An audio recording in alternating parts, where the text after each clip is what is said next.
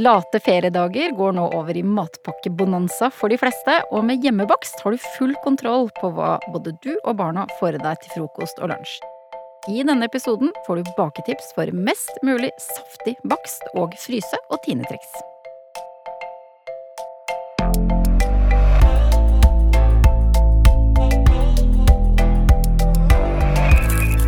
Velkommen til Matpratpodden. Jeg heter Katrine Ude, og som alltid er det to eksperter i matprat sammen med meg i studio. Det er deg, Tore Nordbø. Hei. Hei. Bakedronning. Og så er det deg, Marta Ransborg. Hallo! Jeg veit at du også er veldig glad i å bake. Jeg er ba bakeprinsesse. Ja. Ja. ja. Herlig. Ja, ja. Eh, Vi skal ta for oss noen ulike varianter hjemmebakst som er supert til både frokost og, og matpakke. Eh, og tenker at det er lurt å få fylt opp fryseren med masse hjemmebakst. Vi skal snakke om eh, halvgrovt brød, helgrovt og halvgrov bakst med fyll. For Mm. eksempel sånne snurrer og horn og muffins. Eh, og så skal vi snakke om eltefritt, eh, både brød og rundstykker. Eh, før vi går inn på de ulike bakstene, hva er fordelen med å bake sjøl fremfor å kjøpe seg ut av det, Torunn? Altså, det er lurt å ha noen nødløsninger i fryseboksen, sånn at du har noe å variere med eh, når du vil, eh, er litt lei av brødskivene. Så, så om du har tid og, og liker å bake, så er det jo det å, bake litt småbakst i helgen, og kanskje også sammen med barna. Da får du bakeglede. Og du kan også tilpasse til eh, hvis dere har spesielle behov eller allergier eller, eller preferanser i familien. Hva er største fordelen ved å bake selv for deg, Marta? Eh, jeg tror det er litt sånn som Torunn sier, at jeg liker også å ha løsninger på plass hjemme. At eh, hvis jeg er sulten, da, eller eh, det er en morgen hvor jeg ikke har måte, planlagt hva jeg skal spise, så er det det å ha rundstykker i fryseren. Eh, jeg syns er genialt. Så nå spiser jeg ikke så mye frokost hjemme i hverdagen, men i helgene da blir det alltid rundstykker eller nybakt eh, brød til frokost. Ja, høres ærlig ut. Vi skal eh, ta for oss eh, helgrov til halvgrov bakst. Eh, Hvorfor er det så smart å velge grovt? Jo, det er jo det at vi trenger fiber. Og, og fiber er det mye av i grovt brød og grov bakst. Eh, den viktigste grunnen er jo at det kan stabilisere blodsukkeret og gjøre at du holder deg mett lenge, og også til å holde konsentrasjonen en lang skole- eller arbeidsdag. Mm. Det er jo også mer næringstett også. Det kommer jo selvfølgelig an på hva slags eh, grovt brød du velger, da. Men hvis du har grovt brød med hele frø eller kjerner i, så vil det jo være mer næringsstoffer også, som Er du da bløtlagt, da, for eksempel, det kan vi jo kanskje komme tilbake til, så vil det jo også være mer næringstilgjengelig også for kroppen. Så det er jo helt supert, det, både for å være mett og eh, for å fylle på med næring. Og så syns jo jeg også at det smaker veldig godt, da. Og, og grov bakst inneholder jo også masse karbohydrater, og barn trenger mer karbohydrater enn voksne, både fordi de vokser, men også fordi de er aktivitet hele dagen. Så det å ha grovt i matpakka, det er med å bidra til å også legge sunne matvaner for resten av livet. Men så er det jo mange mm, barn hvor de ikke er så glad i at det skal være så mye hele, hele frø og, og store korn og sånn. Mm. Er det noen gode alternativer da? Eh, ja, jeg ville jo da valgt Du kan jo fortsatt spise grovt, selv om det ikke er mye hele frø og kjerner i det. Eh, så da er jo det et fint utgangspunkt å se på brødskalaen om du skal kjøpe i butikken. For da vil du jo se på mange, hvor, hvor mange prosent eh, grovt det er. Eh, baker du selv, så kan du jo også bruke sammalt mel som er mer finmalt eh, også. Eh, det finnes jo ulike typer kategorier da, på melposene. Så da kan du jo lage skikkelig grovt og godt brød med grovere mel, eller med havre, for eksempel, da. Som du også kan kjøre enten til mel eller bruke sånn som det er. For det er ganske mjukt og godt. Ja, For det er jo nettopp det, det kan jo hende det er farven barna reagerer på, og havregryn, det både gir et lyst resultat, men også mye fiber og mye godt å, å, å, Mm. å tygge på. Så, så det er ofte mer lett Mm. likt av eh, barn. Havren har jo også litt sånn søtlig smak også, som jeg tror mange barn eh, liker. Ja. Ja. Mm. Det første brødet vi skal snakke om, det er det som er halvgrovt. Eh, Er det da en sånn type brød da, som for eksempel passer for de barna som ikke vil ha dette veldig grove brødet? Ja, det kan du si. Eh, de fleste av oss eh, spiser halvgrove brød, sånn 50-50% med grovt og, og fint. Og, og, det er jo, når man skal spise mange brødskiver, så er det helt greit. Mm.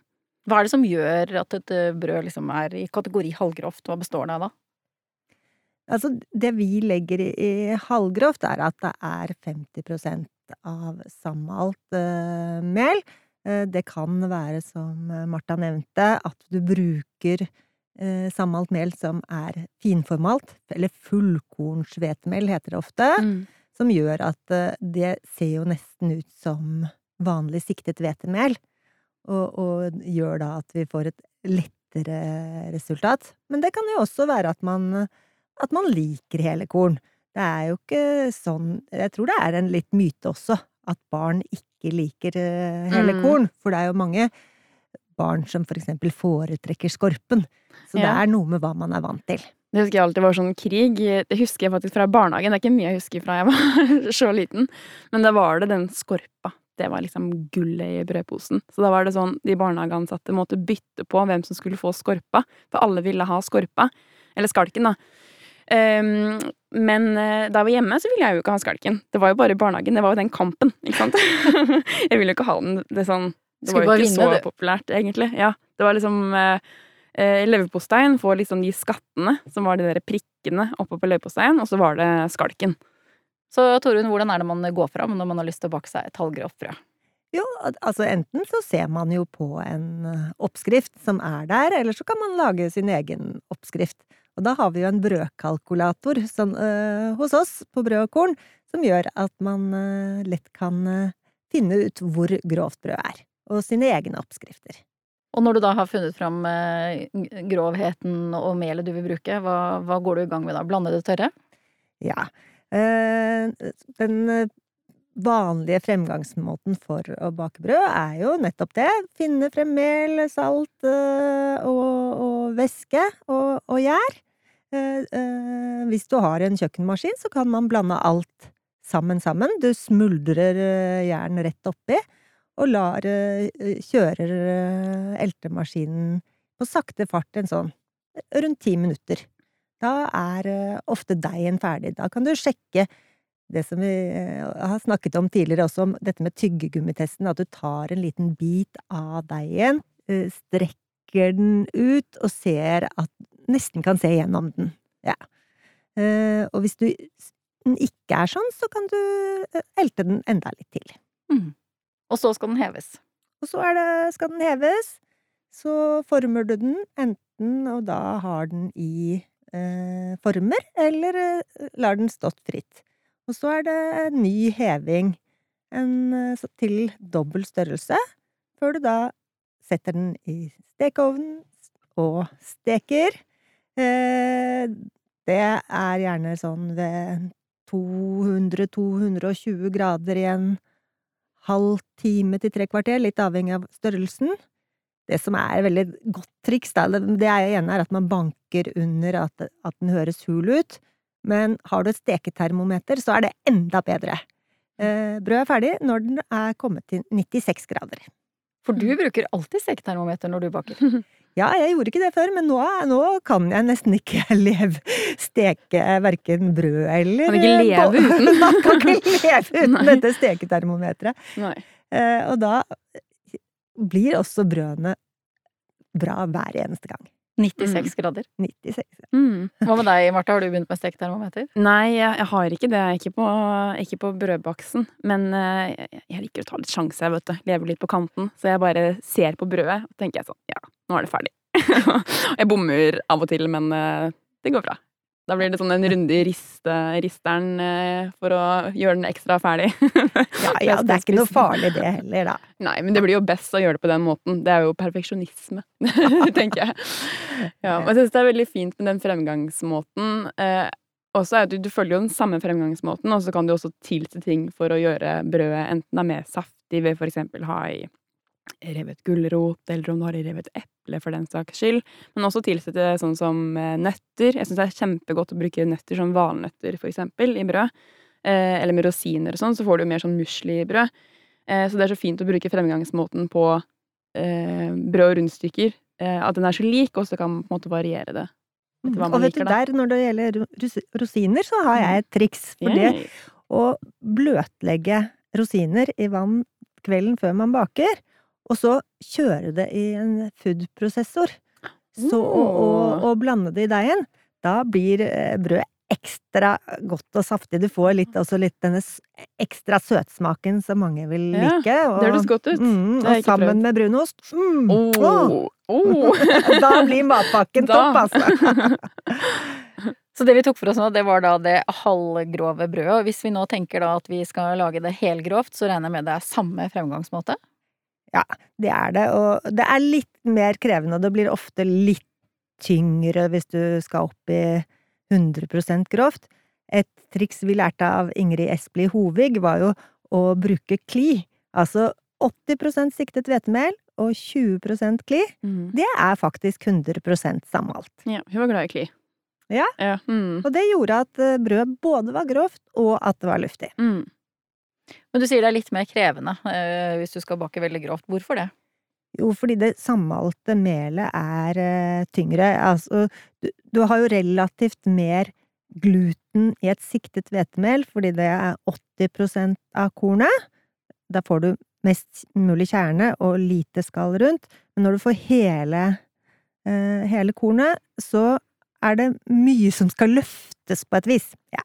Mm. Og så har vi denne kategorien som er halvgrovt med fyll, og da er vi Mm. over på sånne skikkelig matpakkefavoritter. Ja. Da snakker vi matmuffins, Ja. eh, fylte horn Da ser jeg for meg de der eh, Instagram-kontoene til de perfekte småbarnsmødrene som tar bilde av matpakkene til barna, hvor det er sånn derre tre små muffins eh, og litt cherrytomater og litt sånn agurk skåret i sånne små hjerter og sånne ting.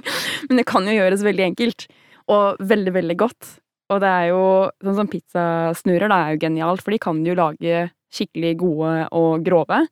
Eh, og da, siden du snurrer de, så er du ikke du trenger jo ikke å ha så innmari sånn tykk deig. Det kan jo på en måte være tynnere lag med da grov deig, og så kan det være fylt med tomatsaus, det kan være grønnsaker, eh, hvis du har barn som liker det, eller liker det selv, da. Eh, og litt god ost, og så kan du jo på en måte spice de opp enda mer ved å bruke for eksempel litt eh, godt modna ost, og så kan du bruke blåmuggost, og gjøre det til litt sånn skikkelig voksen matpakke også.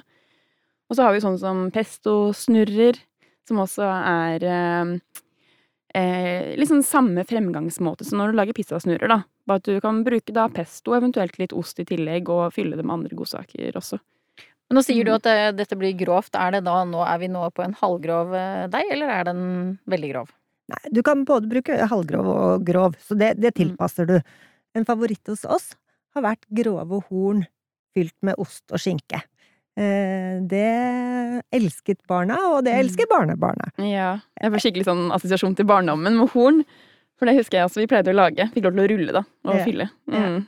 Så det er jo en tradisjonell bakst. Eh, en annen ting er jo og, øh, både pizzasnurrer og horn er jo kanskje Hvis man føler det er avansert, så kan man faktisk putte biter av skinke, ost, eh, grønnsaker rett i deigen, akkurat på slutten, sånn som man gjør med rosiner. At den eltes inn. Så kan man øh, bruke en kjevle, kjevle ut, og bruke pepperkakeformer til å stikke ut hjerter eller Ja. Snøstjerner, eller Og da får man jo litt av den effekten Martha sier, øh, med litt øh, morsomme figurer, uten Mm. at man bruker så veldig mye ekstra tid. Mm. Og så for de som ikke har en eltemaskin, eh, eller de som bare liker å røre ting sammen for hånd, så har det jo vært veldig populært med eltefrie brød og rundstykker. Mm, det er min favoritt, definitivt. Og det er ikke fordi jeg ikke liker å elte, men jeg syns også at det gir en mye luftigere bakst. I hvert fall når jeg lager rundstykker. Jeg liker å lage ganske grovt, da. Sånn kanskje 60-70 grovt mel. Eh, så da blander jeg sammen røra på kvelden, helt enkelt, ved å eh, blande det tørre, som er da melet og salt, og enten da tørrgjær, da, eller ferskgjær. Jeg bruker tørrgjær, så bruker veldig, veldig lite. Når du har det eltefritt, så skal du stå og jobbe lenge, og du trenger ikke å bruke like mye gjær. Ehm, så da bruker jeg kanskje en ehm, ja, kanskje en fjerdedel av en teskje. Så blander jeg da sammen med ca. 500 gram eh, mel totalt. Også med, med kald væske kan du bruke da, og salt. Så lar jeg den stå over natta på benken. Og på morgenen da, så har du en ferdig deig som kan på en måte bare eh, Du kan også velte deigen ut og la den etterheve litt på benken, men jeg er ganske lat her. Og jeg vil spare oppvask, og jeg gjør ofte det her på hytta uten innlagt vann. Så da tar jeg helt enkelt eh, en skje og en skål med vann, og så bruker jeg litt eh, væske på skjea, og så tar jeg sånne små dutter av deigen og bare klasjer utover et bakebrett med bakeark. Eh, og så er det rett inn i ovnen, og så kaster jeg gjerne litt vann inn i ovnen også, så den får litt ekstra damp. Eh, og så kjører jeg det ovnen da på sånn 230-240 grader i fem til ti minutter. Og så setter jeg ned varmen litt, lar de steke ferdig til du ser at de får en sånn god, gyllen, fin skorpe. Det tar ca. 20 minutter. Og da har du de luftige, deilige, sånn rustikke, grove rundstykkene som er eh, skikkelig imponerende, om jeg får si det sjøl. Ja da, og det gir jo litt den samme følelsen som du får med surdeigsbrød. Mm. Men vi har jo ikke tenkt at man skal bake eltefritt i hverdagen. De fleste har ikke tid til det. Men gjør man det i helgen, og, øh, av, og det blir rester, og du avkjøler det, for det er viktig, før du, øh, og, og putter det i plastposer og i fryseren, så kan du ta det opp Mm. når, til matpakken. Mm. Og, og når du tar opp øh, sånne rundstykker eh, på morgenen, så vil de sannsynligvis være tint til lunsj. Hvordan skiller resultatet seg når man lager en for eksempel rundstykker på en eltefri deig eh, i forhold til når man elter? Hva, er det noen forskjell i resultatet? Jeg, det er ofte den konsistensen. Altså denne eltefrie gir jo da ofte litt sånn større bobler eller luftrom. Mm. Sånn på, og mens det er en mer småporet eh, eh, krumme når du baker på den tradisjonelle måten. Jeg syns ofte at eh, em, rundstykker som er eltet, da, laget på den på måte, tradisjonelle fremgangsmåten, at de ligner litt mer på boller. på en måte. At, eh, jeg syns det var en fin beskrivelse i stad, det med at de ligner på surdeig. For det er jo det de gjør. Du får de store luftlommene som, eh, som eh, Eller man ser i surdeigsbrød også. Så det er jo litt sånn smak og behag også, det, da. Jeg syns jo begge deler er veldig godt. Ja. Mm. Og det er jo nettopp det vi også etterstreber. Variasjon. Mm. Bør man eh, velge fersk eller tørr gjær når man skal eh, bake grovt eh, til frokost og, og lunsj? Her er det igjen egne preferanser. Jeg har alltid sverget til fersk ferskgjær, og syns det med tørrgjær er vanskelig, men, men og, og, man bruker jo ofte også mer gjær når man lager tradisjonelt, så da kan man godt ha det, eh, bruke det. Men, men sånn som til eltefritt, hvor du skal bruke så lite, så er det Mm. kanskje enklere å ha tørrgjær. Mm. Og da Ja. kan du jo også bake ha, øh, den, den har jo en lengre holdbarhet, som gjør at du har det parat når du får lyst til å bake. Mm. Jeg liker veldig godt å bruke tørrgjær. Det er mest fordi det, da har jeg det alltid i skapet. Det er liksom det praktiske det handler om for min del. Altså når jeg ikke bruker opp da en full blokk, så er det så kjipt å måtte kaste den. Eh, og så tenker jeg også sånn for min del når jeg baker da eltefritt, eller deiger som skal stå over natta, så har jeg bedre kontroll over gjæren, for den bruker, tørrgjæren bruker jo lengre tid også. Den trenger jo ofte litt lengre hevertid enn det ferskjæren gjør. Så hvis jeg setter en deig da klokka eh, åtte på kvelden, så vet jeg at den er fin å bake ut klokka har blitt ni dagen etter. At den ikke er overhevet, da. For det kan jo skje med deiger som står i romtemperatur. Og så hva med temperaturen på vannet? For der har det jo Dette har vi snakka om i en podkast om, om bakst tidligere, Torunn. At det har jo skjedd noe her med at det, det var jo lenge sånn at temperaturen skulle være en viss grad. Men nå er det lunka? Er det kaldt? Er det Eh, vi anbefaler oftest eh, kaldt, eh, hvis ikke du har veldig dårlig tid. Fordi det handler om at deigen skal få lov til å god tid til å modnes. For det første er det jo det, hvis du bruker eltemaskin, så vil eh, eltingen gjøre at eh, deigen får en høy temperatur i seg selv. Eh, og, og deiger er best, eh, hever best ved sånn rundt 26-28 grader. Eh, Det andre er å liksom at hevetiden er med på å utvikle smaken. Så å bake, det er en prosess som bør ta lang tid for å få et best mulig resultat. Ok, så kaldt vann er helt fint. Mm. Og noe du anbefaler. Ja. ja. er det noen triks for å få mest mulig saftig bakst og sprø skorpe? Er det to ting som eh, lar seg forene? Ja, altså, det som Martha sa i sted, det med å for eksempel eh, ha i gulrøtter eller epler, det kan gi en ekstra eh, saftig bakst. Det er også å, å våge å ha nok væske i, Mm. i, det er viktig. Eh, Det har vi også vært inne på før, at vi, til, vi holder heller igjen litt vann, og så tilsetter vi mer vann etter hvert. En deig kan få i seg ganske mye vann, og det hjelper også på å få en saftig bakst. Mm. Er det noen triks for å få den der veldig gode sprø skorpa, da? Jeg, jeg, jeg liker veldig godt å bruke damp i ovnen, sånn første for at den får heva godt før det begynner å danne seg en skorpe, for da får du jo også en god luftighet i baksten.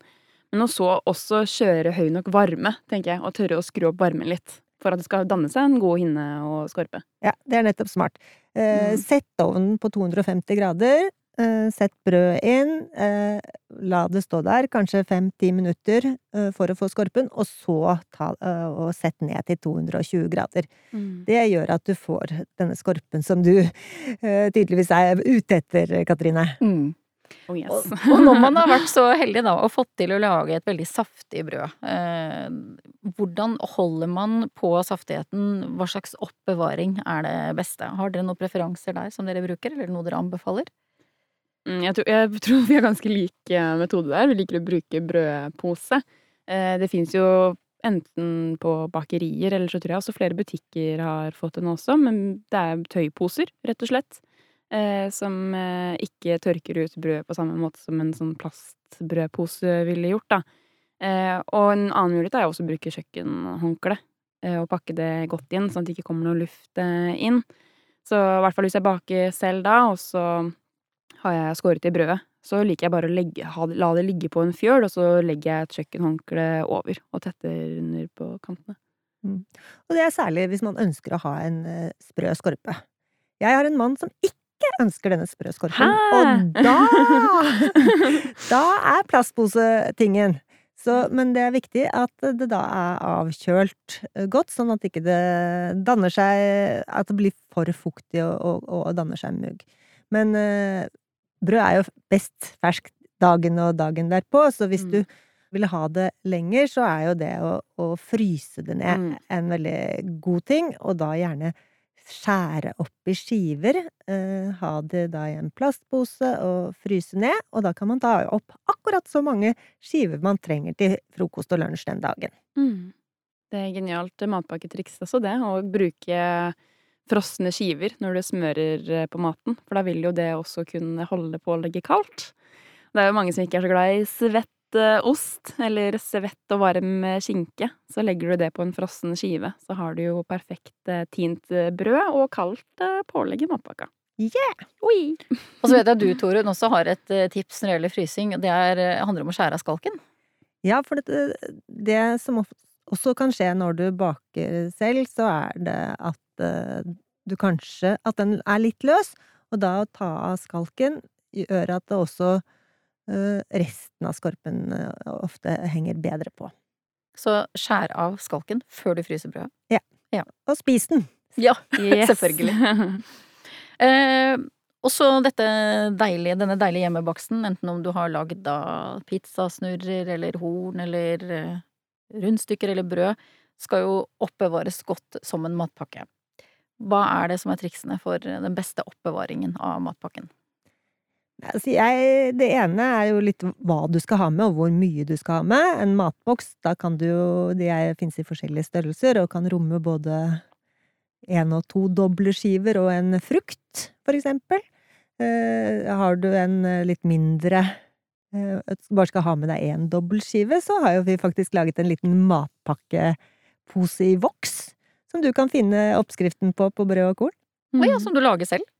Så hvis du liker å sy, så vil jeg anbefale det. Det er også både En fin gave. Absolutt. Hvis du syr, kan du ja. si det til venner og familie òg.